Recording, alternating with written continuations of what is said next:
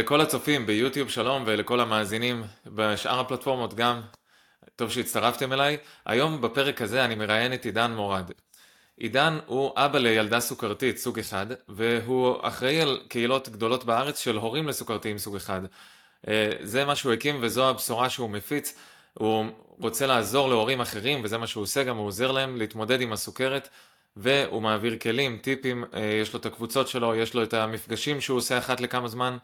אני אגיע למפגש שהתקיים ב-12 למאי בכפר סבא כדי לדבר עם ההורים והילדים, כדי לחלוק אה, מהניסיון שלי בתור סוכרתי סוג אחד שאיזן לגמרי את המחלה וכבר שבע שנים חי בערכים מאוזנים יותר מבן אדם שאין לו סוכרת, חשוב לי להפיץ את המסר הזה ובטח של הורים לסוכרתיים שאיתם אני עובד היום אה, המון ב- ביום יום. אז אני עובד גם עם הסוכרתיים הילדים אבל גם בתיאום עם ההורים כי בסוף בגיל הזה אנחנו רוצים לשנות את כל הסביבה. של הילד ולהכווין אותו בדרך הנכונה, וזה בדיוק מה שעידן גם עושה בעבודה שלו, בגלל זה הבאתי אותו לפרק, כדי לדבר איתו על כל האתגרים של אה, לאזן ילד עם סוכרת סוג אחד, מה עושים עם ילד שלא רוצה להקשיב, האם יש תחליפים, האם יש אה, שיטות מסוימות שעידן מכיר כבר, או שהוא חולק אותן בקבוצות שלו, אז על כל הדברים האלה אנחנו נדבר, ונצלול לעומק לאיך לטפל בילד סוכרתי סוג אחד, מהנקודת מבט של ההורים. אז אני מקווה שהפרק הזה יעזור לכם, אם הוא עוזר לכם אני, או עזר לכם בסוף הפרק, אז אני מזמין אתכם לשתף בפייסבוק, באינסטגרם, אה, לדרג את הפודקאסט שלי בספוטיפיי ולהוסיף תגובה, כדי שאני אוכל להגיע לעוד הורים, לעוד ילדים סוכרתיים, אה, סוכרתיים סוג אחד כמובן, וכמה שיותר שנפיץ את המסר. אז תודה לכם ושתהיה צפייה מהנה. thank you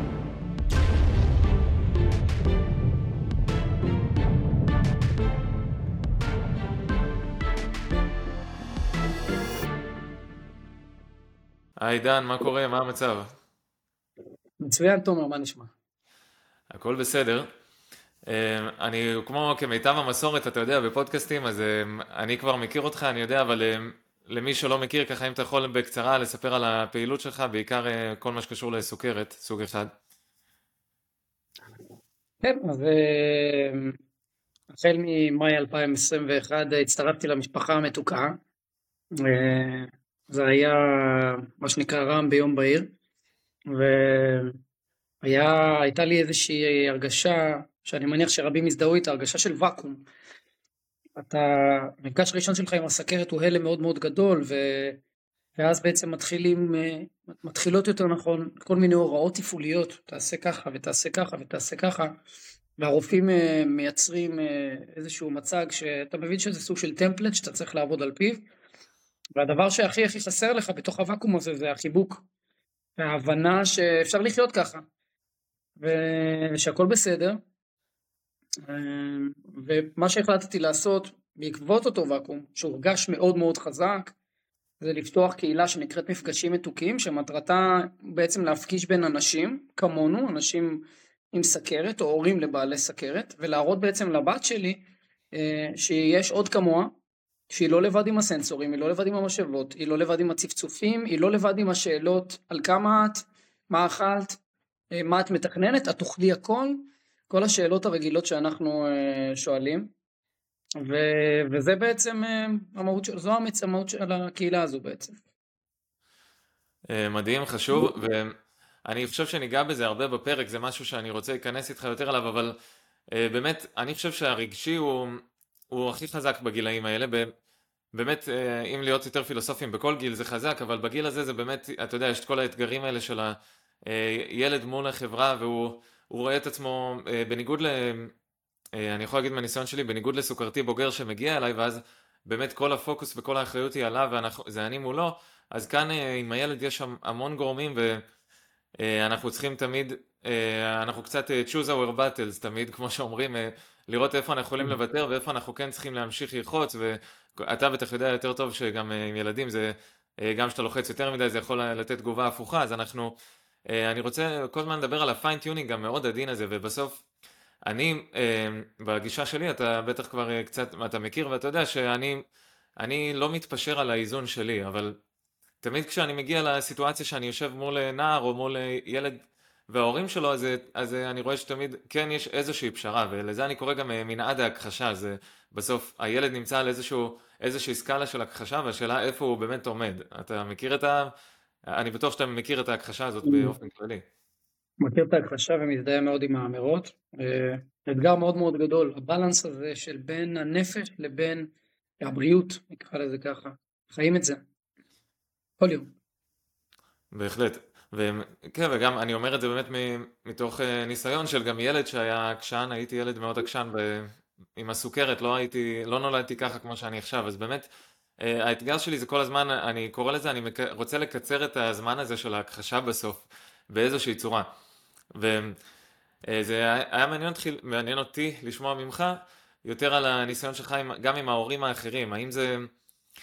מצאת איזה הורה שפיצח את הנוסחה, אני לא יודע, אני, אני יכול להגיד לך מהניסיון שלי שרוב הסוכרתיים הם באמת איפשהו על מנעד ההכחשה הזה, והיו לי אחוזים מאוד בודדים של סוכרתיים בגילאי העשרה שהם ממש באו והם אה, משהו מתוך עצמם, אני לא יודע איך להסביר את המקור לזה, אבל הם באו והם אמרו, אני, תומר, קח אותי, אני רוצה לאזן את הסוכרת בכל מחיר וזה הצליח, אבל זה ממש אחוזונים קטנים מהילדים. לרוב ההורים צריכים להנגיש את זה, ואני פה מתעסק הרבה בדל פחמימה, זה גם מעניין אותי איך אתה, יש לך איזה תחליפים, מה, מה אתה רואה מסביבך? כן, אז קודם כל באמת, כמו שאמרתי, אולי זה האתגר הגדול ביותר, בעיקר עם הגילאים שלנו. הבת שלי, מיקה, היא בת עשר, וכמו שאמרתי, היא מסקרת כבר שנתיים, וזה גיל מאוד מאוד קשה, כי מצד אחד היא למדה שמונה שנים בחיי איך לחיות ולאכול כל מה שהיא רוצה, למרות שאנחנו לא אנשי ממתקים, אתה יודע, בקור שלנו, אבל אה, כן, כשהלכה לימי הולדת או באירועים בבית הספר, אז היא יכלה לאכול הכל כמו כל ילד אחר, ופתאום היא לא כמו כל ילד אחר. בעוד שאתה כהורה, לפחות אנחנו, מאוד מאוד רוצים לתת לה להרגיש כמו כל ילדה אחרת ולא להיות שונה ולבדל אותה לא באירועים ולא בימי הולדת ולא בשום דבר אחר אבל וזה אבל גדול זה שם זה קורה הפיל תמיד נמצא שם בחדר הזה ו, וזו באמת ההתמודדות התמודדות יומיומית אגב מאוד מאוד קשה שלנו. אני מרגיש אותה גם מהורים אחרים. יש הורים אין קודם כל צריך להגיד הסכרת משהו אחד שלמדתי לקח קצת זמן אין אמת אחת. לעולם לא תהיה אמת אחת. מה שטוב לילד שלי לא טוב לילד אחר מה שהילדה שלי אוכלת היום בשעה שתיים בצהריים על אותן רמות סוכר לא יהיו נכונות למחר באותה, לאותו אוכל באותן רמות סוכר. אין אמת אחת, אני לא יודע אם תהיה כזאת. אז זה באמת באמת עוד פעם מתכנס לנושא של, של גישות שלנו כהורים ועד כמה הילד שלנו מה שנקרא זורם איתנו על העניין הזה. אמ, אז כמו שאמרתי גישות מאוד מאוד מגוונות אצל כל ההורים אצלנו אנחנו מאוד מאוד מנסים לשמור על דל פחמימה אבל אנחנו מבינים שיש מחיר נפשי ואנחנו לא לוקחים את זה מה שנקרא too tight. אנחנו מנסים כן בימי הולדת לאפשר, להכין אותה עד כמה שניתן עם רמות הסוכר, עם האינסולין. גם באינסולין אין אמת אחת, אתה היום מנחש טוב, מחר אתה מנחש פחות טוב. הטמפלט הזה שעובדים איתו, של אה, כמה להזריק, כמה גרם פחמימה לחצי פיתה, פיתה, עוד פעם, תלוי במצב רוח, בסדר? נשים את זה ככה על השולחן. אמ, ולכן עוד פעם אנחנו באמת מנסים לשמור על איזשהו בלנס אה, עם נטייה לדל אבל לא במחיר של הנפש זה קשה מאוד אבל זה בלתי נמנע. אה, כן זה חשוב הבלנס הזה הוא לא נגמר אף פעם אה, אני, אני מדבר על זה המון, זה, זה לא עכשיו קשור לסוכרתי שהוא ילד או סוכרתי סוג אחד שהוא עכשיו בן 50, 40 שנה עם הסוכרת, זה לא משנה, זה באמת, אין כמות אחת בסוכרת ואין גם אין טבלאות שאני יכול להגיד לך, הילדה שלך שוקלת 40 אה, קילו, היא בת 10, אז היא מזריקה ככה, ו, ואנחנו, זה כל הזמן, זה משהו שאני כל הזמן מנסה להעביר שוב ושוב, אני יותר מנסה להנגיש אותו שגם כשעכשיו היא מצאה את הכמות המושלמת שזה יהיה בזלי 12 אה, נגיד, אז עוד, בייחוד בגיל הזה, היא תקבע עכשיו בשנה הקרובה, היא תצטרך יותר אינסולין. אה, התפתחות מינית מתחילה, אז הם צריכים הרבה יותר אינסולין, גם ההורמון גדילה מופרש בקצב מטורף בזמן ההתפתחות המינית, ואז אנחנו צריכים הרבה יותר אינסולין בגוף ביולוגית. אז באמת, זה כל הזמן משתנה, והאתגר שאני גם מדבר עליו, דיברתי עליו בהדרכות שלי, זה לחשוב כמו הלבלב כל הזמן.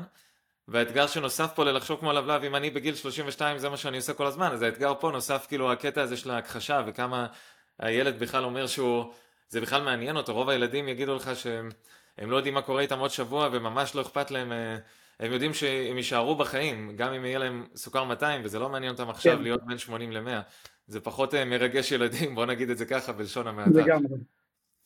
אז אה, זה האתגר פה, זה, ובזה אני רוצה לגעת בפרק הזה, זה באמת כל הזמן לנסות להנגיש וכן, למרות שאנחנו שוחים פה בים של גורמים, לא לוותר על האיזון האמיתי הזה, שבסוף בוא נגיד את האמת, ילד שהוא מסתובב עם A1C מעל 6, מעל 6 וחצי, והחברים שלו לספסל הלימודים הם כל היום עם 5.2, ואפילו פחות, זה, זה לא, לא מצב טבעי.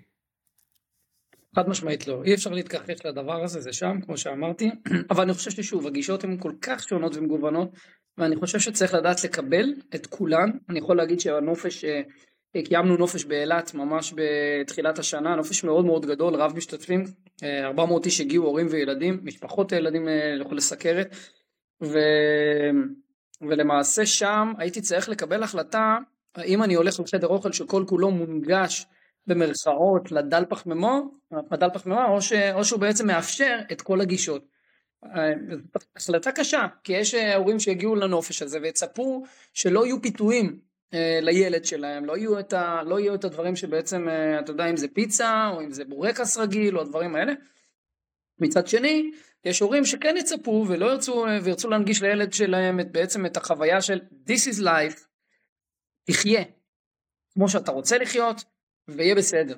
בסדר, הגישות הן באמת שונות, וההחלטה בסופו של דבר הייתה כן לאפשר חדר אוכל דל פחמימה, ומצד שני, אם היית מחפש ממש טוב, צריך להדגיש את זה, היית גם מוצא אוכל שהוא לא דל פחמימה.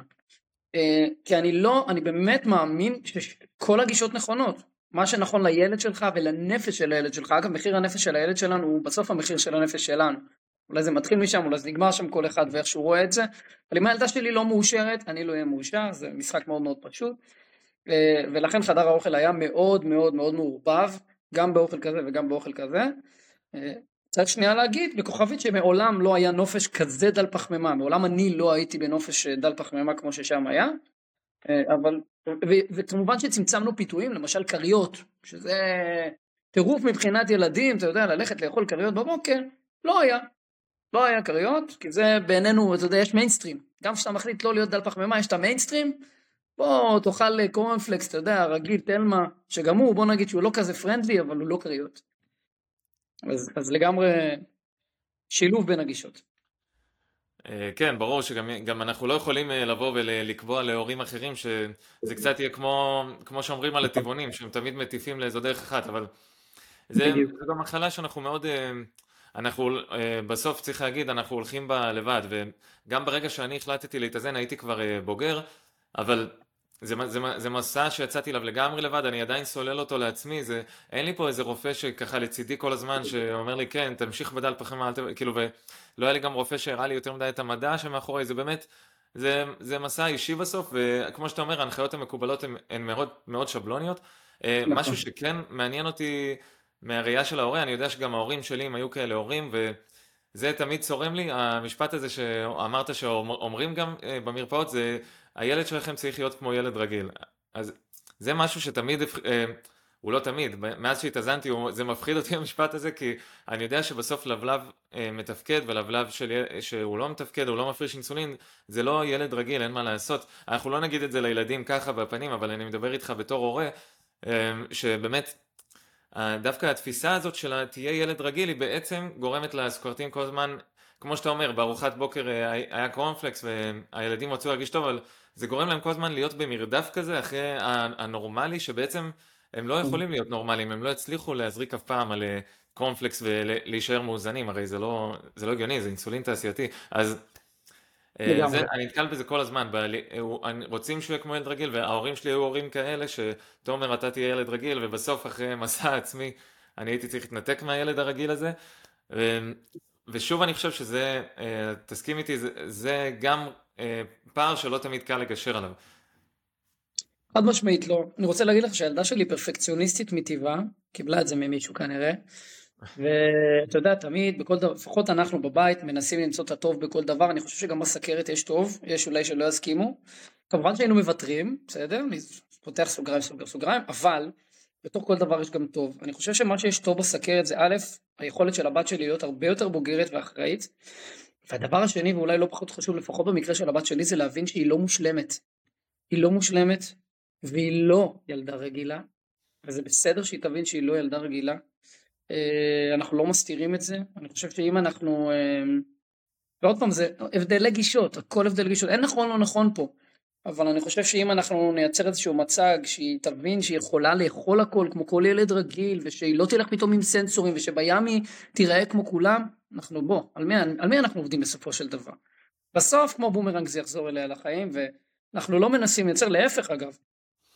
בעצם כל המפגשים המתוקים אני צועק את העובדה שהבת שלי היא אה, ילדה עם סכרת, ואני דואג לצלם אותה עם הסנסורים ועם המשאבות, ובמפגש, ב, עוד פעם, בנופש באילת, היה מראה, מראה מדהים לראות כל כך הרבה ילדים ביחד עם סנסורים ועם משאבות, זה, זה מצמרר, זה מדהים, זה מאחד, זה מחזק.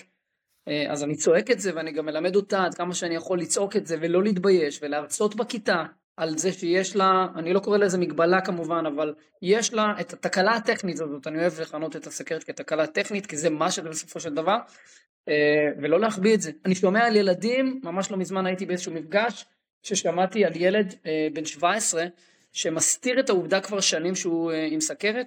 לי באופן אישי היה מאוד מאוד קשה, הייתי עושה, הייתי ממש רוצה לשבת עם הילד הזה ולהסביר לו שכדאי לו לצעוק את זה. זה א', ישחרר אותו, אין בזה שום דבר רע, אתה יודע, בסופו של דבר כל מה שאנחנו מתביישים בו עם עצמנו, אם אנחנו לא, זה מין סטיגמות וכל מיני דברים שבנו לנו בראש שאני מאוד מאמין בהם, שאם אתה מרגיש עם עצמך לא טוב, אחרים לא ירגישו איתך טוב. אז באמת מה אתה משדר לעולם? אני מאוד נצמד לדבר הזה. נכון, זה חשוב, אני יכול להגיד לך שאני הייתי ילד מהמכחישים, אני, אני לא נולדתי כזה מאוזן, וזה שבגיל העשרה הייתי מאוד uh, הכי במרד שיש, והייתי גם מסתיר עם החברים, אמנם הם ידעו כולם שיש לי סוכרת, אבל רק שלא יראו אותי מודד, רק שלא יראו אותי מזריק, וזה הביא אותי לנקודות גרועות, כן, גם היפואים מאוד חזקים, ושלא נדע, אבל אה, אני זוכר שסבתא שלי תמיד הייתה אומרת לי, אה, הייתה שואלת אותי, מה, מה אתה גנבת משהו? מה, מה עשית? כאילו, מה, מה אתה מסתיר? תמיד היה, ואף פעם, רק אה, אחרי שנים הבנתי את, את השאלה הזאת שלה, אבל הבנתי את זה גם הרבה יותר לעומק, לא רק במובן של להגיד עכשיו יש לי מגבלה, אלא גם, אני חושב באמת, אני מאמין בזה, זה לא, אני לא סתם אומר את זה לעצמי, אני אומר את זה בכל מקום, שהסוכרת היא כן כוח, היא כן, כמו שאתה אומר, זה מאוד מבגר, זה נותן לך, בעצם לילדה יש איזו אחריות שאין לחברים שלה, וזה, עם האחריות הזאת גם בא כוח והרבה אה, משמעת עצמית, והמון כלים שלדעתי אה, לרוב החברים שלה לא יהיו, ובלונגרן, אז לדעתי יש פה כוח הרבה יותר גדול, זה כמו כוח על, שבעצם אני יכול לשלוט בכמות האינסולין שאני מזריק, ואני יכול לגמרי גם לשלוט בסוכר שלי בדם, זה אני יכול להגיד בביטחון היום, לקח לי המון שנים להבין את זה, שאם אני מגביל פחמימה, אז אני יכול להגיע למצב שכן הסוכר שלי בדם מאוד צפוי ואפילו יותר מבן אדם רגיל כי אני שולט גם על השלטר של האינסולין. אז זה כוח מאוד, אה, כוח על מאוד מיוחד ומאוד ספציפי לסוכרת סוג אחד. ולדעתי בסוף אנחנו כן שולטים בזה. אז זה, אה, זה המסר האופטימי כן? אני לא חושב שזה הכל כן. רק אה, מצב טכני ומצב בעייתי. אומנם, כן, זה אורח חיים, אמנם אנחנו, זה נכון שהגענו למצב מסוים שהגוף שלנו עשה כזה נזק לעצמו שהוא כבר לא מייצר אינסולין, שזה אה, זה קרייסס רגעי מאוד, אה, מאוד אה, דרמטי בגוף שלנו, אבל אחר כך מה שאפשר לעשות עם זה זה לגמרי בידיים שלנו, ובאותה מידה גם יכלתי להמשיך לחיות חיים עם עתירים בפחמימה וגם לשתות אלכוהול כשהייתי בן 25 לפני שעשיתי את השינוי, אבל זה לא היה הורג אותי כאן ועכשיו, אבל זה, בגלל זה זה גם הבחירות האלה נורא קשה להנגיש אותם בייחוד לילדים, כי הילדים הם חכמים והם יודעים אה, טוב מאוד שגם אם הם על 200 אה, הם לא ימותו באותו הרגע והם מבינים את המשוואה הזאת שהם זה, הם רק יישארו בחיים אפילו אם הם יהיו על 200 אז הם אה, זה כל הזמן לנסות לגשר על זה ודווקא עם הילדים אני, אני פחות מדבר על, ה, על הטווח הרחוק כי אני יודע שאני הייתי ילד לא ידעתי מה קורה איתי יום אחרי צהריים אז אה, לדבר איתי על שנים קדימה זה לא היה שום סיכוי בגיל הזה. אז אני אני חושב שאם לסכם את זה תמיד המטרה שלי היא לבנות אה, בסיס למוטיבציה. אם זה הילד אוהב מחשבים, אם הוא אוהב אה, התעמלות, היא אוהבת התעמלות אמנותית, אה, לא, בלט, לא יודע, כדורגל, מה שלא, אז על זה אנחנו בונים ואנחנו אומרים, אוקיי, עכשיו את רוצה להשתפר בזה, את רוצה להיות טובה בזה, את תראי כשאת מאוזנת כל הזמן, גם, גם אחרי האימון, גם לפני, גם לפני הפעילות, גם לפני התחביב, את תראי שאת משתפרת, וזה להראות, להראות להם את הנקודת אור הזאת. כן, לגמרי. ויותר מזה, אגב, דיברת גם מקודם על תחליפים, אנחנו, יש המון המון תחליפים, אה, בוא נגיד שגם בארץ יש כבר הרבה יותר מודעות ממה שהיה, ויש ממש ממש חנויות שעוסקות רק בדבר הזה, ויש כמובן גם אה, אתרים בחו"ל שמהם גם אפשר להזמין, אה, ואנחנו מנסים, אתה יודע, בסוף בסוף זה מוצרים שאין, דיברנו על ילדים רגילים, אין להם. הילדים הרגילים אני שם במרכאות, כי גם קשה לי מאוד עם ההפרדה הזאת, אבל דיברנו עליה, אז נשים שנייה את זה על השולחן. וקרה מצב שהגיעה חברה של מיקה אלינו הביתה ואומרת, אני רוצה להיות חולת סכרת. היא התלהבה מהטירוף, מכל העושר הזה שיש למיקה, מהמתוקים, מהחטיפים שלה, הדברים הטעימים. לא תמיד זה טעים, כן? בוא נשים גם את זה, אבל, אבל, אבל יש כבר המון המון המון דברים טובים, טעימים, מגניבים, נראים טוב לעין. ברגע שהיא אמרה את המשפט הזה, זה מאוד מאוד חיזק לי את העניין של א', לא להסתיר, וב', כן, אם אפשר להפוך את הלימון ללימונדה, לצעוק את זה. וגם לייצר, להביא לבת שלי דברים שמתאימים לה, ומגניבים, וגורמים לה להרגיש שנייה איזושהי גאוונת קטנה על זה שהיא שונה מהשאר, כי בסוף גם לילדים יש את הקטע הזה של להיות מגניבים ולהיות שונים, ולי יש משהו שלך אין. אז נכון, זה לא צעצוע, זה לא עוד איזשהו משחק מחשב, זה לא אה, זכייה בגביע, אבל זה עדיין איזושהי שונות, שאני חושב שאם לוקחים אותה למקום חיובי, אז אפשר גם, אה, היא יכולה גם להיראות אפילו טוב מדי פעם, עובדתית. לגמרי. זה נכון, נכון, ואנחנו חיים היום בעידן שקודם כל התברכנו בתחליפים אה, עד אינסוף, גם אה, מקמח שקדים וכל החברות האלה, איציין, לסן מור, וגם יש מתכונים אה, כמו גולדי, שגם אותה אני הולך לראיין, וכל מיני מתכונאיות כאלה שעושות דל פחמימה, אז גם זה, אבל גם באמת אנחנו, דווקא היום אנחנו בעידן שהילדים הולכים, הם הלכו לכיוון כזה שהשונה הוא הרבה פעמים המגניב, וזה גם נכון לצליאק ולהרבה, שזה נהיה, אם פעם, לא, שאני הייתי, זה לא היה לפני עידן ועידנים, אבל ב, לפני 15 שנים, אז באמת, אני חושב שזה היה יותר כזה הולך הצידה, כאילו אם היה לילד צליאק והוא היה צריך יותר ככה להיות בצד והשונה, אז עכשיו זה עבר יותר לקדמת הבמה, פשוט גם יש הרבה יותר ילדים עם מצבים כאלה וגם משהו ב mindset שלהם השתנה. קודם כל גם בכזאת ילדה התברכתי, אז אם אתה רוצה, בכיף. התברכתי, הוא בירך, ב-2021 הוא בירך, בכל, פרגן בכל הכוח, אז כן, יש לנו גם את המורכבות של הצליאק גם כן, אבל עם משחק ילדים באופן יחסי לנו, אם אתה משווה אותה לסכרת, אלא אם אתה יוצא מגבולות ישראל.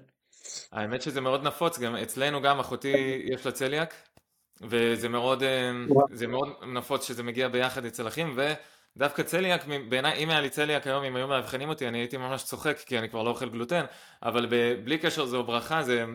כמובן שזה הניהול הרבה פחות עדין מסוכרת, אין לך את המינונים היומיומיים, אז זה, זה ניהול שונה, אבל זה מאוד נפוץ, זה דווקא, אה, זה טוב שאנחנו מדברים על זה כאן, על הבמה הזאת. כן, הצליאק הוא, אה, הוא לגמרי... אה, הוא לגמרי משהו שאפשר לנהל אותו בהרבה יותר בקלות יתרה ביחס לסכרת. עוד פעם, כשאתה יוצא לחו"ל, עכשיו ממש לאחרונה חזרנו פעם ראשונה מחו"ל עם הסכרת, עם כל החבילה מה שנקרא, זה קצת יותר מאתגר, אבל בסוף אנחנו לא חיים שם, אנחנו חיים פה. ברור. אבל זה, בסדר, זה מה, דווקא כל נושא התחליפים, אני הייתי רוצה להתעכב עליו, אני יודע שאתם לא, לא מאוד, אה, אני מאוד קפדן, אני עושה ממש דל פחמימה, אני יודע שאצלכם זה כזה, כמו שאמרנו, זה choose your battle קצת, כן, כן אבל אה, כמה ש, שאפשר כן, בכל זאת עם, עם תחליפים, צריך לזכור שבסוף זה מוצ... אלה מוצרים מעובדים, אבל כמו שאתה אומר, אה, עדיין כדי לשמור על דל פחמימה היום, אין הרבה תירוצים באמת. כי באמת שהורים שואלים אותי והם ככה מסתבכים ואומרים מה אבל איך, איך נראה לו, איך ננגיש לו? איך, את כל השיטה כאילו הקיצונית הזאת אז אני תמיד אומר שהיום אם אה, לשם הגענו שאנחנו אה, אנחנו רוצים להנגיש לו ויש לנו את הרצון, את הרצון אז אה, התברכנו באמת תחליפים מכל כיוון אנחנו רוצים פיצה יש פיצה אנחנו רוצים פסטה פסטה יש כל דבר. לגמרי. יש לך איזה, איזה מתכון או איזה משהו שעולה לך ראש, איזה טיפ זהב כזה לדל פחמימה לילדים שגם הם אוהבים וגם זה לא מעלה את הסוכר? כן, קודם כל אה, אני לא אמציא את הגלגל, סלט הוא חברו, הוא חברה הטוב ביותר של מיקה ואפשר לגוון אותו ובכל פעם במשהו אחר והוא מהמם, כמה שפחות כמובן אה, עגבניות כי שם יש סוכר, אבל יש אה, פיצה מהממת מבצק כרובית שזה הפך להיות ממש שלאגר אצלנו בבית, אנחנו מכינים אותו, הוא גם ללא גלוטן, והוא גם ממש ממש, הוא 4, הוא 4, 4 גרם פחמימה לכל הבסיס שלה, של אותו בצק, כמובן שאתה משתמש ב, ברצק עגבניות ללא סוכר, אה, אפשר לציין גם חברות אם תרצה, ו, ואתה מוסיף כל מה שאתה רק רוצה, אני לא אומר שלא מזריקים, מזריקים ממש ממש מעט אינסולין, אבל זה עושה את העבודה נהדר וזה סופר טעים, זה גם נהיה קריספי ככה אם אתה שם את זה כמו שצריך בתנור, מהמם, טעים, ועושה יופי של עבודה. זה, זה מעולה המתכונים האלה, אבל אה, אני אגיד לך מה, אה, כוכבית קטנה בקשר לכל המתכונים האלה, שבסוף, אני הכי חשוב לי שהילדים האלה, הסוכרתיים, וגם אני כמבוגר, שאנחנו נשבע מהאוכל שלנו ונקבל את כל מה שאנחנו צריכים, אז אה, זה, זה, בעיניי זה, זה, זה אחלה פתרון למצב הזה שבאמת הילדים רוצים גם להרגיש שהם אוכלים פיצה, או עם החברים או עם כל האחים בבית אה, באיזה ארוחה, אז זה מעולה, אבל בסוף אה, אם נאכל כל יום פיצה כרובית אז זה גם יהיה בעייתי, כי אנחנו, אנחנו באמת ילדים נכון. צריכים חלבון, הם רוצים לבנות את השרירים שלהם, גדילה, שומן. אז... לא, הוא לא מגיע לבד, הוא מגיע בדרך כלל עם סלט, עם ביצה קשה, זאת אומרת, אתה לא צריך להזריק שם יותר מדי, וילדה שבעה לגמרי. זו ארוחה גם בשבילי אגב, אני נהנה ממנה נורא. זהו, זה חשוב להגיד רק שגם צריך לסבוע מזה בסוף, מעבר לזה שזה תחליף שהוא נותן לך את, ה, את, ה, את הצד הרגשי הזה שהוא לא, לא, לא פחות חשוב לילדים, אבל אה, שלהיות באמת, להרגיש שאתה עדיין אוכל פיצה, אבל גם אה, אנחנו רוצים בסוף לסבוע גם מהאוכל שלנו, זה משהו שאני גם נתקל בו הרבה, שכאילו אה, בורחים יותר לתחליפים פתאום לכיוון השני. כן, שמצמצמים. לא, לא, היא שבעה, היא אוכלת יפה, אוכלת טוב. אה, וכמובן שיש המון המון תחליפים לה, להכל בעצם, להכל, אם זה בלחם שהוא משביע לחלוטין, אם זה אה, מדי פעם, מדי פעם, אה, פירות, ממרחים למיניהם. אנחנו בעיקר בעיקר מנסים, אתה יודע, להתעסק יותר, להתעסק במחאות עם בשר, עם גבינות, עם ירקות, אלה הדברים שמבחינתנו יכולה לאכול ללא הגבלה, היא תשבע בסופו של דבר וגם ערכי הסוכר שלה יהיו נהדרים. אוקיי, okay, אה, אם בסדר מבחינתך לענות, אני, יש לי שאלות שכל הזמן עולות לי שהן אה, שאלות שאני יודע שההורים נוטים לשאול, שזה באמת אה, עד כמה בבית שלכם אתם שולטים גם במינונים, האם אתם מחוברים סוכר שלה, במה אתם משתמשים, איך זה קורה?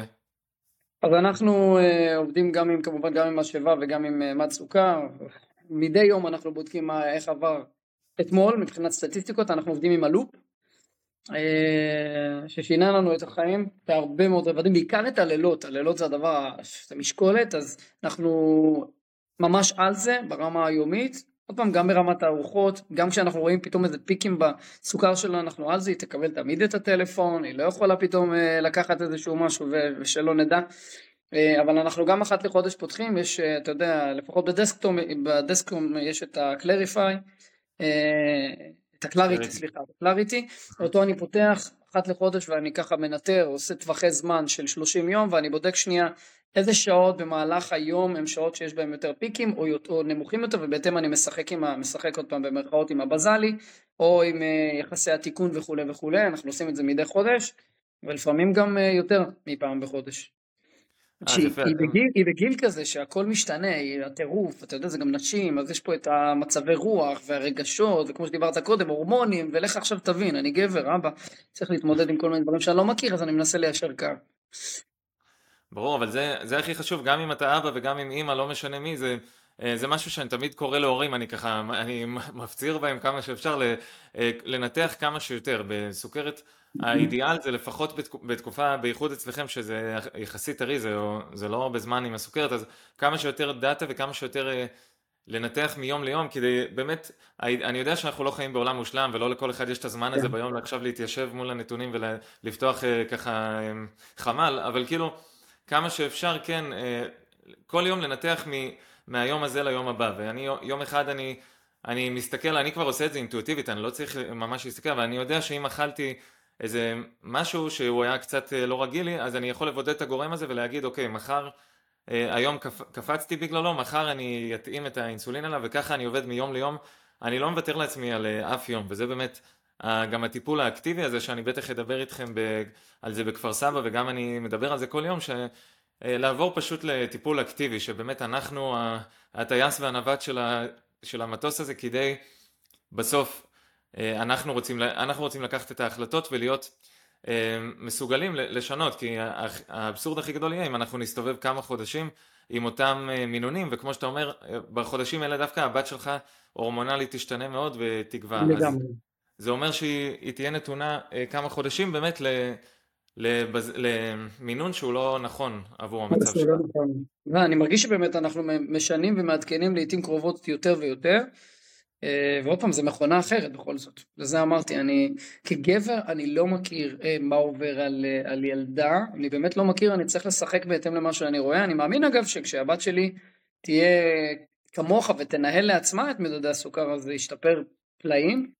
וגם זה אגב, גם זו נקודה שאפשר לדבר עליה, עד כמה אנחנו כהורים מאפשרים עצמאות לילד, עד כמה אנחנו נותנים לילד מה שנקרא ללכת על הקצה במרכאות וליפול לבד וללמוד לבד. וגם פה יש מחיר, גם זו נקודה. זה נושא מאוד חשוב, אני אשמח לדבר עליו. כמובן שזה שוב משהו שאני תמיד שם לעצמי בראש ואני לא משלה את עצמי ש... תשמע, יש מצבים שאנחנו לא, לא באמת יכולים, זה כמו, יש את המשפט הזה שאתה לא יכול ללמד את מה שחשוב ללמוד בחיים. כאילו אתה לא...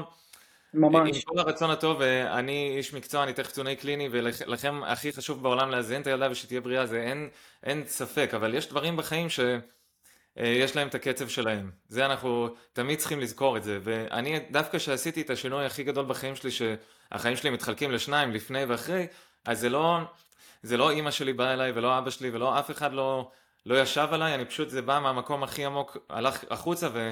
מאז אי אפשר להזיז אותי באמת, כי אני באמת ראיתי שאוקיי, אפשר לאזן את זה, מחלה שלא האזנתי, לא, לא הצלחתי לאזן שנים, אז, אז זה, זה גם חשוב לזכור שהרבה פעמים דווקא האסטרטגיה שלנו במרכאות היא להראות לו את הכיוון, ואפילו אם הוא יעשה שיפור של 10% אה, ב, ב, בהתמודדות שלו, זה עשינו המון. אנחנו לא לוחצים, אבל uh, אנחנו כן, אתה יודע, דיברתי קודם על אחריות, ו- ואחריות זה כן, אין מה לעשות. אתה לא יכול כל הזמן להיות עם הילד, אני גם לא רוצה. אני גם לא רוצה להיות לידה כל הזמן, אני רוצה שהיא תהיה, uh, שתהנה מאחריות, תהנה עד כמה שאפשר מאחריות שיש לה, uh, ותדע שאנחנו סומכים עליה. אבל כן, בתוך כל האחריות הזאת יש, יש השלכות, והיא צריכה לשאת בהן. אנחנו לא רוצים לשאת בהם אה, או, או, או להנחות אותה כל הזמן כדי להגיע לתוצאות שאנחנו חושבים שהם נכונים. אה, שבסופו של דבר זה עליה. אה, וכן, גם פה יש את העניין של הגיל ויש את העניין של לקבל החלטות נכונות. והאם זה מעניין אותה עכשיו שהיא תוך כדי משחקת עם חברים, או שהיא באיזושהי מסיבה, או שהיא ביום הולדת? פחות. ופה יש את הבלנס הזה שאנחנו צריכים לעשות כל הזמן. נכון, ואתה העלית נקודה אה, מאוד חשובה, הקטע הזה של...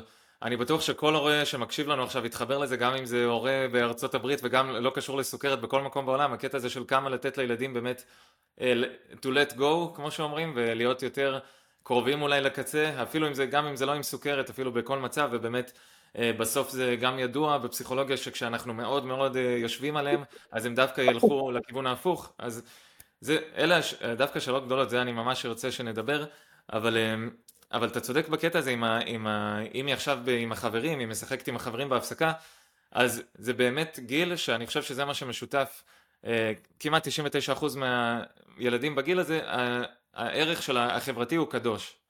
בניגוד לגילאים שאנחנו נמצאים בהם, שאתה כבר מתבגר ואתה באמת מבין אולי, אוקיי, מה טוב לי? כתומר, אה, אוקיי, עידן בחיים, אז אה, בסוף החבר'ה ואצלה החברות זה, זה ערך קדוש, פה אלה המצבים שהם כמו שאמרת שהלילה הם חורים שחורים אז גם זה הרבה פעמים יכול להיות איזה חור שחור שעכשיו היא הולכת עם החברות לאנשהו אה, הולכים לשבת איפשהו אה, לא יודע מכינות איזה משהו מתוק אז זה גם יכול להיות איזה חור שחור ששם אנחנו אולי רוצים לשים יותר את הדגש. לגמרי. רוצים לא תמיד נכון אבל כן רוצים. כן לא ברור אנחנו.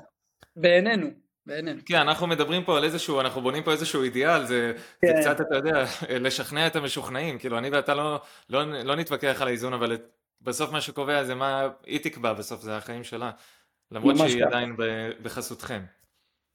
כן, אה, אנחנו רוצים לחשוב, אבל כן. כן. זה, זה, כן, לא תמיד, זה לא תמיד מתנהג ככה. היום זה בטח עוד יותר מהיר עם כל הטיק טוק וזה, הם רק, אה, יש להם את העולם שלהם, כאילו, ותחשוב גם מה קורה, וזה קורה על מפגש שלה עם ילדה סוכרתית שלא שומרת בכלל. נכון. ואז מאוד מאוד משפיע, מאוד מאוד משפיע, היא רואה אותה, היא רואה אותה חיה, חיה טוב, נהנית, מעלה, אתה יודע, stories, לך תתמודד עם הדבר הזה, לך תגיד זו טעות, ואז... אבל זה בסדר, it's part of the game, אנחנו מבינים את זה, יש גם את הצד השני, שהוא סופר דל, וזה בסדר, וזו המטרה שלי גם במפגשים, לראות את כל העולמות, ו- ו- ולבנות את מה שנכון לך אה, ומה שעובד לך טוב. כן, במסגרת ה- מה שנקרא ערכי היסוד שאנחנו ניתן לך, אני מקווה שהם ישמשו אותה בעתיד, אבל זה בסוף שאלה. כמו שאתה בנית את העולם שלך ובנית אותו בעיניי לכיוון הכי טוב שרק אפשר, מתוך הבנה של אה, איכות חיים ותוחלת חיים וכל הדברים שאנחנו תמיד מדברים עליהם בעולם הסכרת והצליאק אגב, אה, בסוף זה שאלה. היא תספור אותנו לא לעוד הרבה מאוד זמן, אנחנו בונים לה כמו כל דבר אחר, זה, זה חינוך, זה עוד מרכיב, עוד אדון שככה נצמד לנו לעולם, לחינוך שאנחנו צריכים להקנות לילדה שלנו, בסוף בסוף היא תעשה עם זה מה שהיא תעשה.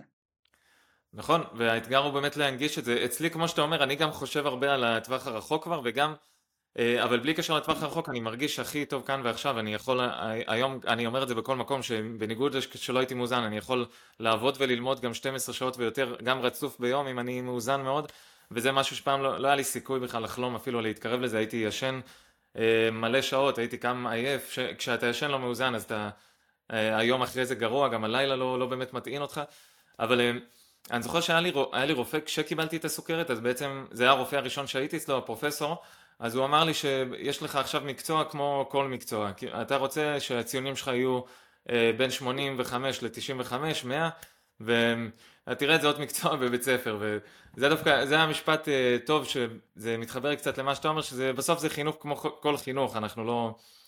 זה, אנחנו לא יכולים להפוך את זה לאיזה תחום שהוא, בשבילנו זה נורא חשוב, לי זה חשוב ולך זה חשוב כאבא שלה, ואתה, עבור הילד אתה לא באמת יכול לעשות איזה הבדלה עכשיו, להגיד לו, קח את הסוכרת, זה כל מה שחשוב לך בחיים. ממש. יש, יש עוד הרבה אתגרים, עוד פעם, זו הגישה שלי, זו הגישה שלך. יש לנו גם, אה, לי יש בת זוג, גם פה יש, אין אמת אחת, זוכר?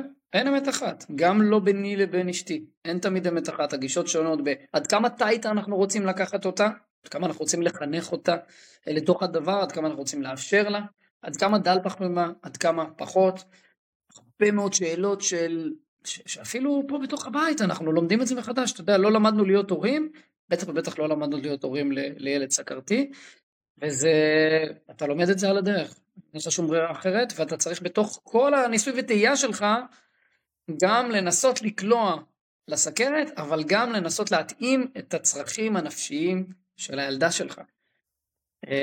קיצור כיף, קרנבל. אה, ממש קיבלתם משימה כיפית. כן, אמרתי, בירך, בירך. שאלה יהיו צרות שלנו, הכל בסדר. אנחנו תמיד אומרים, קודם כל להפוך את הלימון ללימונדה, אפשר ליהנות עם סכרת, אפשר לאכול בעיניי הכל, אם אתה יודע, אה, אם אתה יודע להתנהל נכון בסכרת, אה, וכמובן שאני מאוד מאוד נזהר וחשוב לי מאוד להדגיש את זה גם כאן. פנו אליי, אתה יודע, להגיע למפגשים, כל מיני מרצים, לילדים בעלי מוגבלויות וכולי. ייהרג ובל יעבור מבחינתי. אנחנו רחוקים מלהיות בעלי מוגבלויות, אנחנו uh, חזקים ומדהימים ויכולים לעשות הכל וטוב יותר מאחרים בזכות הכלים שקיבלנו לחיים. אני אומר אנחנו, אני מדבר בשם הבת שלי, אני חושב שגם כהורה אני הרבה יותר משוכלל ואולי אפילו פחות רגיש לדברים שקורים אצל ילדים אחרים בזכות הסכרת. ו... ואנחנו רחוקים מלהיות בעלי מוגבלות. בעל מוגבלות, לצורך העניין נכה כדוגמה, יכול, לא יכול לקבל החלטה שהוא עומד אה, ביום בהיר אחד, בזמן שסכרתי יכול לקבל החלטה שאורח החיים שלו יהיה נפלא, נהדר, והוא יחיה עד כל גיל שכל בן אדם אחר אה, חי, ואפילו טוב יותר, כי אנחנו אוכלים הרבה יותר טוב, לא יעזור במרבית המקרים. ו- ולכן אני לא רואה בזה שום מוגבלות וזה משהו שחייבים לשים אותו על השולחן ואני גם קורא מפה, ל...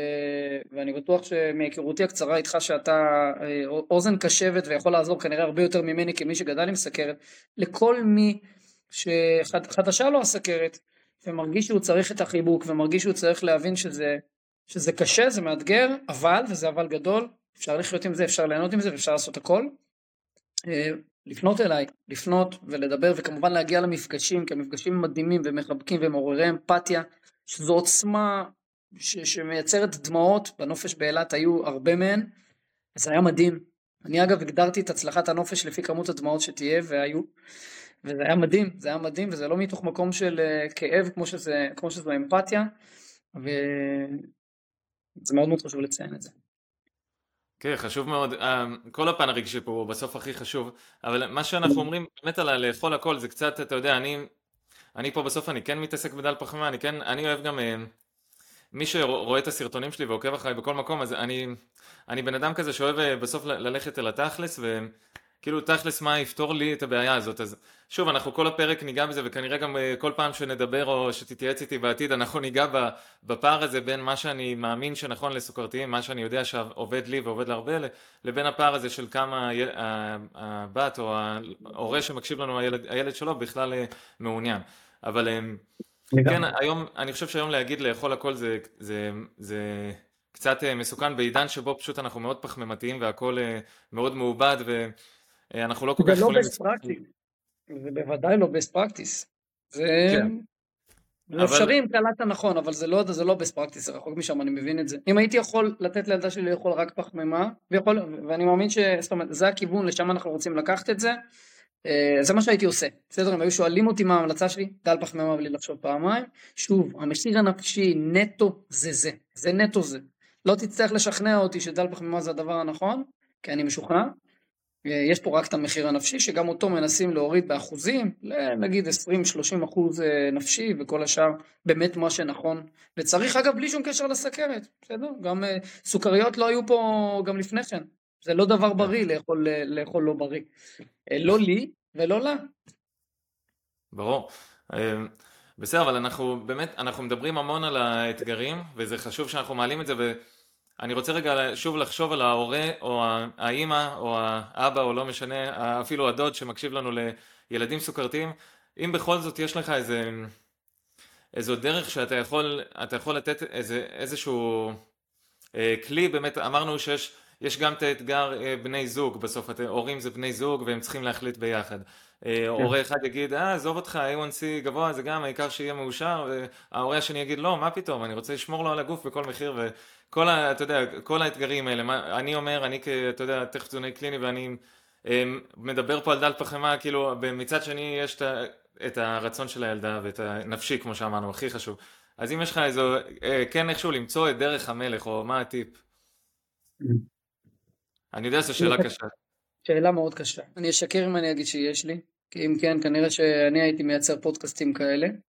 אה, אתה יודע, אני חושב שזה כמו שאמרתי קודם, זה כמו חינוך.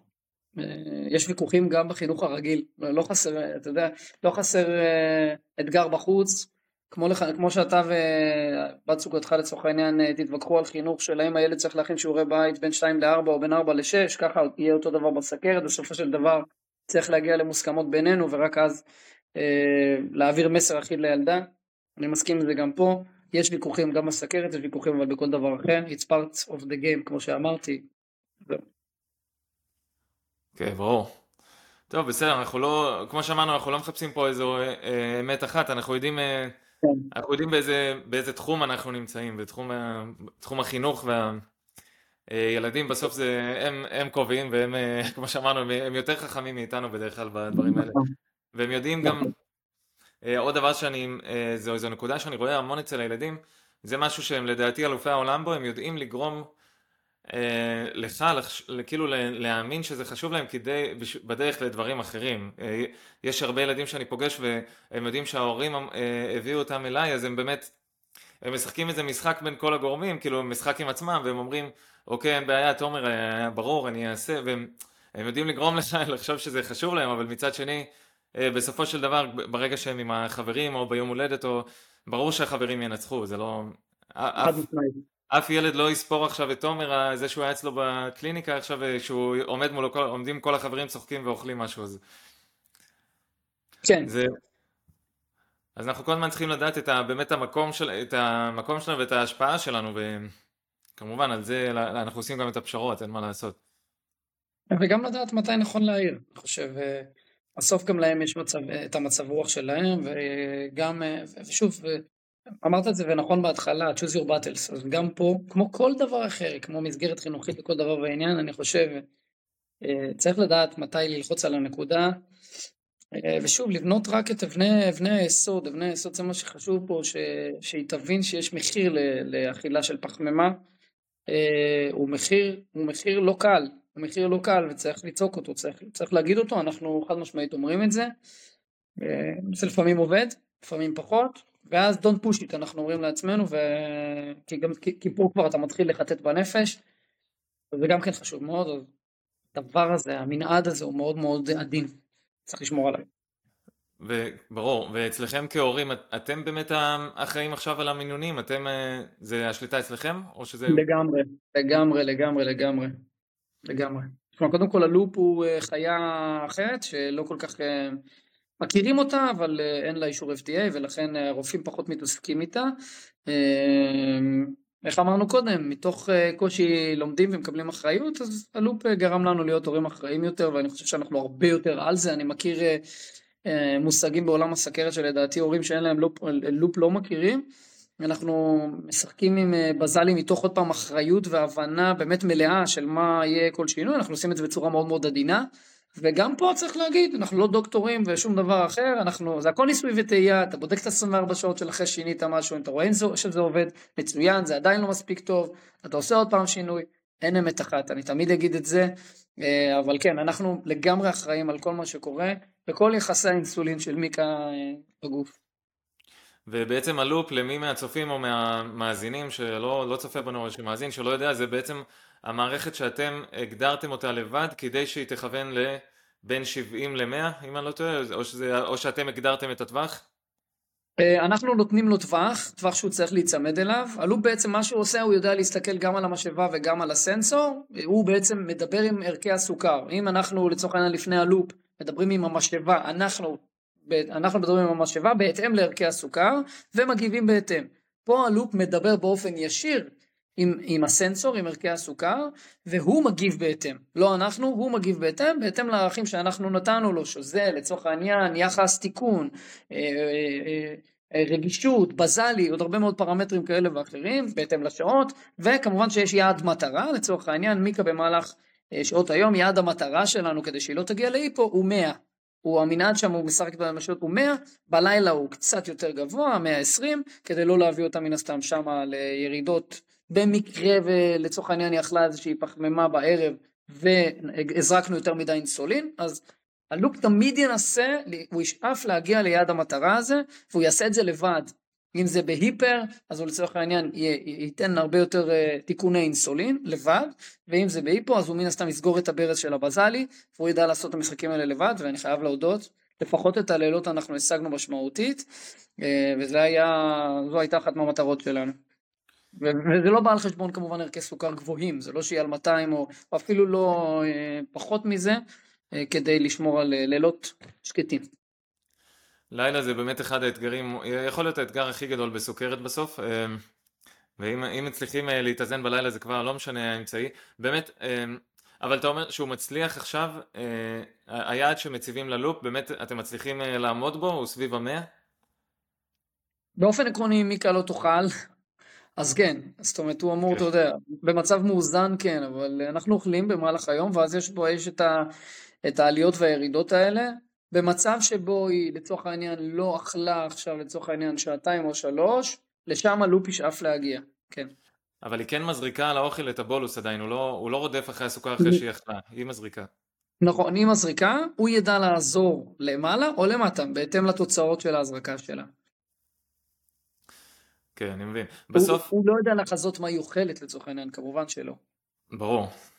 ובסוף באמת זה, זה משהו שחשוב לי לציין, שאנחנו לא, אני לא מדבר פה על טכנולוגיה אחת, כמו שאמרנו אין אמת אחת, וטכנולוגיה, אני, אני אומר את זה בכל מקום, שזה זה משהו שאני אומר אותו בפומבי, שאני משתמש במזרקים שהיו אותם עוד לפני 100 שנים עם הפקק הכתום, וככה אני כבר 7 שנים עם A1C של 5, ועשיתי את זה גם לפני שהיה לי את הסנסור, הייתי מודד כל הזמן מהאצבע, אה, לפני שהיה לי את הדקסקום, אז באמת, אני לא, אני לא קורא לאיזושהי טכנולוגיה אחת, אני גם לא אומר שמה שהטכנולוגיה שלי, בסוף אנחנו בוחרים את זה כי אני בטוח שמי שמאזין לנו עכשיו ושואל את עצמו את השאלה מה אז אני חייב לעבור ללופ, אז באמת אנחנו צריכים לחשוב במקרה שלנו, של הפרק הזה, כל הזמן על הילד והאם הוא אה, בכלל יסכים לטכנולוגיה הזאת, ואם הוא מסכים אז כמובן שהטכנולוגיה היא כלי אה, מסייע, היא לא הבסיס שלנו בסוכרת, היא לא, לא עליה אנחנו נבנה את הכל, היא מסייעת לנו כדי להגיע לאותם יעדים וגם הבת שלכם יכולה להתאזן עם הלופ לרמות של אה, A1C 5 וגם אני יכול עם המזריקים וזה באמת לא משנה בסוף. לגמרי, לגמרי, אורח חיים, זה תמיד יחזור לשם. מה, כן, אנחנו, לא מה אנחנו מכניסים לפה? כן, ממש הכל מתחיל ונגמר בזה, אחרי זה אני, אני משאיר איזה, מש, איזה משהו כמו 5% לטכנולוגיות, אבל הטכנולוגיה זה טכני, זה כל ילד, גם ילד בן 5 יכול לעשות את זה, אז אני, אני כמעט אף פעם לא מתעכב על זה, כי האתגר הגדול יותר לשנות את מה שאנחנו אוכלים, זה ללכת נגד כל, ה, כל הציוויליזציה הזאת שאנחנו חיים בה. כן, אבל אין גם איזשהו רצון עכשיו, אתה יודע, לשמור על הילד שלך, אה, בחלק מבתי החולים מאוד מאוד רוצים לשמור על הילד שלך אה, עם מספר מאוד מאוד גבוה, בעיקר בלילה, מאוד מאוד גבוה, זאת אומרת שאיפה למושלמות נגיד 150, גם זה שמעתי, שבעיניי זה, זה נורא, בסדר? בעיניי זה נורא 150. זה, זה מספר אה, אולי סבבה לשעות מסוימות ביום, אולי לפני ספורט, בסדר? אולי, אולי. אבל בלילה 150 על מה ולמה? ואז אתה אומר, אם יש את הלופ, שזו חיה שיודעת להסתדר ולווסת ולהוריד כן למקומות שהם יותר מאוזנים ויותר נמוכים, אז למה לא? אבל הלילה הוא מרכיב מאוד מאוד משמעותי ביממה מבחינת כמות השעות שלו, הוא משפיע מאוד בסופו של דבר מה שנקרא על, ה, על האיזון הכולל, וכן, בשבילי, וכן, הוא גם משפיע מאוד על השינה, ודיברת מאוד על מה עושה שינה לא טובה בהיפו או בהיפר במהלך הלילה, אז מבחינתנו זה קריטי. רק בשביל הלילות אני מאוד מאוד אמליץ עליו. כמובן, עוד פעם, צריך לסייג ולהגיד, הוא לא מאושר FDA, הרופאים פחות נותנים אה, את הדעת שלהם על הדבר הזה, אה, כי זה לא פורמלי, אסור להם לדבר על זה, אבל זה, יש קהילה שלמה סביב הדבר, הדבר הזה, וזה מטורף, אני גם מאמין שזה יהיה, שזה בסוף יהיה המיינסטרים, אה, וזה יאושר FDA, יש הרבה מאוד סיבות למה זה לא שם. כן, יש המון סיבות, ובאמת הגישה הזאת של לדבר על להחזיק סוכרתיים על סוכר גבוה רק בגלל הפחד מהיפו, זה בסוף, אה, אני חושב שזה, זו, זו אחת הסיבות העיקריות שבגלליהן אני בסוף עשיתי את השינוי הענק, כי אני, זה גרם לי להיות פחות ופחות ופחות מאוזן, ואני ידעתי שתמיד אם אני רוצה לתקן אני אף פעם לא יכול לקלוע חזרה למספר הנכון, זאת אומרת שאני כמעט תמיד הייתי עושה אובר תיקון, שהייתי אוכל הרבה פחמימות ואז הייתי נופל להיפואים, וזה מחזיר אותנו לרכבת הרים המפורסמת של הסוכרתיים סוג אחד, אז כן, הגישה הזאת היא, היא מאוד אה, מפחידה אותי ואני אני לא, כל, כל סוכרתי שאני עובד איתו וכמובן על עצמי גם, אני לא, אני בחיים לא אגיד למישהו שהוא יהיה על גבוה רק כדי שנתרחק איזה מרחק ביטחון מההיפו שבסוף אה, אה, צריך להגיד את זה גם, כשאנחנו מדברים קצת על FDA והכל, אז גם אה, הרופאים הם גם מאוד מפחדים מהיפו, אין מה לעשות, זה, הם יודו בזה גם בעצ, בעצמם. כאילו יש פה, יש פה מין, אה, הם הולכים על חבל דק עם האחריות הרפואית שלהם שהם מטפלים בסוכרת. לגמרי. זה אנחנו, חשוב לנו להבין.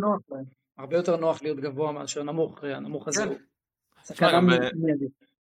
כן, בדיוק, הסכנה המיידית היא בהיפו ובגבוה הסכנה היא ארוכת שנים, אז כמובן שכולם יודעים למה, לאן הם ילכו מבחינת הסכנה, ו, וזה, כן, זה, אני גם לא מאשים אותם, אתה יודע, יש אחריות רפואית, אנחנו חיים בעולם משפטי וזה, הכל בסדר, אני פשוט, אני רוצה להיות אה, אחראי על הסוכר שלי, וזה זה חשוב שאתה אומר, מדבר על הנושא הזה של המון, המון סוכרתיים גם, אה, הורים לסוכרתיים שואלים אותי על הקטע הזה של אה, אם אני לא מתקרב מדי להיפו, אם זה לא מסוכן, אז כמובן שעם ילדים, אם אנחנו שולטים מרחוק על הסוכרת שלהם, זה קצת יותר, אה, ידרוש מאיתנו יותר תשומת לב, אבל בסוף אה, הדבר שהכי מפחיד אותי זה הטיפול הזה שיגידו לי תהיה על 200 רק כדי לא ליפול להיפו, זה בעיניי כאילו בעצם להגיד בוא נוותר מראש על הטיפול.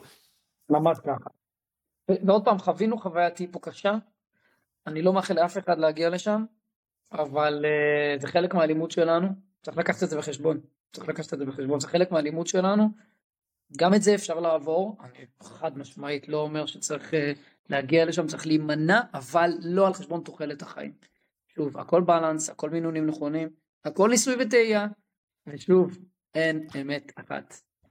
זה נכון, זה נכון, וזה גם חשוב להגיד שאנחנו לא, היפו זה לא דבר טוב והיפר זה לא דבר טוב, הטווח של האיזון הוא אנשים, אני חושב שגם סוכרתיים זה לא רק אנשים לא באמת מבינים עד כמה הוא עדין ואני חוזר על זה הרבה בהדרכות ובהרצאות שלפעמים ההבדל בין 80 ל-120 יכול להיות 0.2 יחידות אינסולין שזה כלום.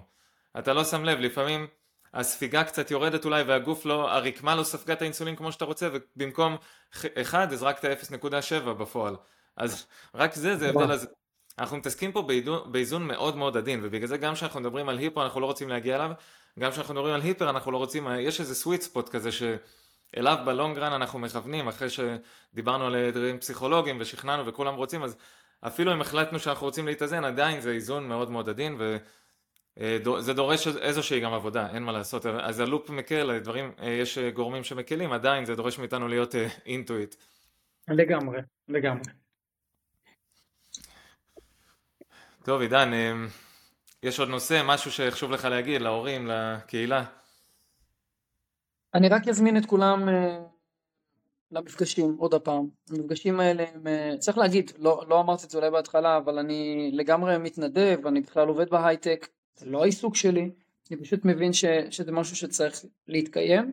אה, חייבים את הקהילה הזאת, חייבים להפגיש בין, ה, בין הילדים כי זה פשוט עושה להם טוב, גם לנו להורים זה עושה מצוין כי אחרי באמת כל מה שעסקנו כאן, אני ואתה תומר באמת אני חושב שבסוף בסוף יש איזשהו average כזה, איזשהו תהליך למידה שאני מדבר איתך ועם עוד הרבה מאוד הורים, וכן אני יכול, נכון, אנחנו תמיד נסייג עם הכוכבית של אין אמת אחת, אבל יש את, ה, את הקור שאפשר כן לקבל מכל הורה וללמוד ממנו ולהבין מה ה-best practice של כל אחד, וכמו כל דבר בחיים לקחת אליך מה שנכון. אגב, זה יכול להיות במתכונים וזה יכול להיות אפילו אה, כמה לפני הארוחה אני מזריק בזלי, או כמה ספורט משפיע עליי, ואולי אפילו יש חוג, חוג שהילדה ש... שמגיעה למפגש מאוד מאוד אוהבת והבת שלי תשמע וגם תרצה. זה יכול להיות פשוט הכל, ותהליך הלמידה במפגשים האלו הוא מדהים. הוא, אה, כמו שאמרתי, האמפתיה שם צועקת לשמיים. ילדים מכירים חברים חדשים, אנחנו מכירים חברים חדשים, ועל הדרך יש גם עוד פעילויות מגניבות. אנחנו לא משדרים שם, וצריך להגיד את זה, שום דבר שקשור בלהתמסכן, או בדברים כאלה, אנחנו ממש לא, אנחנו בכיף שלנו, מגיעים, נהנים מזמן איכות, של ביה, מזמן איכות ביחד. אה, וזה הכל, אז אני ממש ממש ממליץ לאנשים אה, להגיע. אה, במפגשים מתוקים, גם בפייסבוק אפשר להצטרף ולראות את המפגשים, הבא בתור הוא בכפר סבא.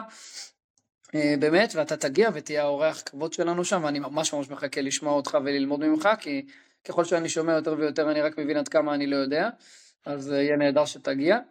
ו... ופשוט uh, לשאול ולצעוק, לצעוק, לצעוק את הדבר הזה שנקרא סכרת, כי בסוף גם מה שאתה עושה כאן, ועל זאת תודתי לך, זה להעלות מודעות, שזה לא דבר פחות חשוב, זה מאוד מאוד חשוב בצליאק, זה מאוד מאוד חשוב בסכרת ובכל דבר אחר, אז להמשיך לצעוק את הסכרת, להיות, להיות גאים עד כמה שניתן, כי זה כבר פה, ולפחות כרגע בזמן הקצר, מה שנראה, לפחות באופק הקרוב, זה, זה, זה כאן, זה פה להישאר, אז בואו נהפוך את הלימון הזה ללימונדה. אני מסכים, וכמובן שאני מאוד uh, שמח כבר, uh, אני אשמח להגיע ולחלוק עם כל ההורים והילדים, ואני אמ, um, אתרום את, כמה שאני יכול לקהל הזה, שאני, כמו שאנחנו אומרים, יש את כל, ה, כל האתגרים האלה, נדבר עליהם גם, כמו הפודקאסט, רק ביותר ננגיש את זה לכולם, ואני ממש מחכה להגיע לשם, ובאמת חשוב להגיד שאתה עושה את זה אה, בהתנדבות מלאה, כמו שאמרנו, אתה בן אדם עסוק, זה לא, אז זה גם, אה, זה ראוי לציון, שזה לא, דיברנו בהתחלה כאילו זה המקצוע שלך עכשיו, אז לא, זה אתה מנהל את הקהילה הזאת, אתה לגמרי עושה את זה בשביל הבת ובשביל הבת שלך והקהילה של הסוכרת, אז אה, גם כמה שיותר שזה רק ילך ויגדל באמת ונפיץ את הבשורה. ו... ועידן, שמחתי מאוד לדבר, אני מקווה שהצלחנו אה, להנגיש להורים אחרים כמה שיותר את אה, כל הנושא הזה, שזה לא אתגר לא קטן לקחנו לעצמנו. כן. גם אני אנחנו פה וכן. כן, ואנחנו נתראה בכפר סבא ב-12 למאי, זה חשוב, מי שמקשיב לנו וכן רוצה להגיע, זה באמת, אתה אומר, ההרשמה היא פתוחה בפייסבוק? כן, זה פשוט להגיע. הרשמה, אין באמת הרשמה רשמית, זה פשוט להגיע לשם, פארק כפר סבא, בקבוצת מפגשים מתוקים בפייסבוק אה, תקבל, הם יקבלו בעצם אה, את כל הפרטים ממש בקרוב, שעה, איפה זה יתקיים בדיוק, וגם מה מחכה לנו שם עד כמה שאפשר לספר. גם אתה אגב הפתעה לחלק גדול מהאנשים, אז שתדע, יש רק את הלוגו שלך, אבל לא הרבה מאחורי זה. אה, אבל אתה ההפתעה שלנו, אבל יהיו עוד הרבה מאוד דברים כיפים, ואגב, לכל הגילאים, לכל הגילאים. אבל להורים ולילדים זה סוכרתיים, לא... כן, כן, כן, בוודאי. טייפ 1, צריך גם את זה להגיד. כן. כן. בסדר, אז אנחנו חשפנו פה את ההגעה שלי רק למאזינים כאן, זה... נשמור את זה פה בפודקאסט בינתיים. כן, אין בעיה. הם לא יודעים מה אתה מדבר, הם לא יודעים. אולי אתה רוצה לדבר בכלל על, אה, לא יודע, על כדורגל. לא יודעים. על... אה, אני מדבר על זה, על, כן, על ליגת העל. אין הרבה גם מה לדבר על זה, אין הרבה מה לדבר על זה. צריך נושא אחר.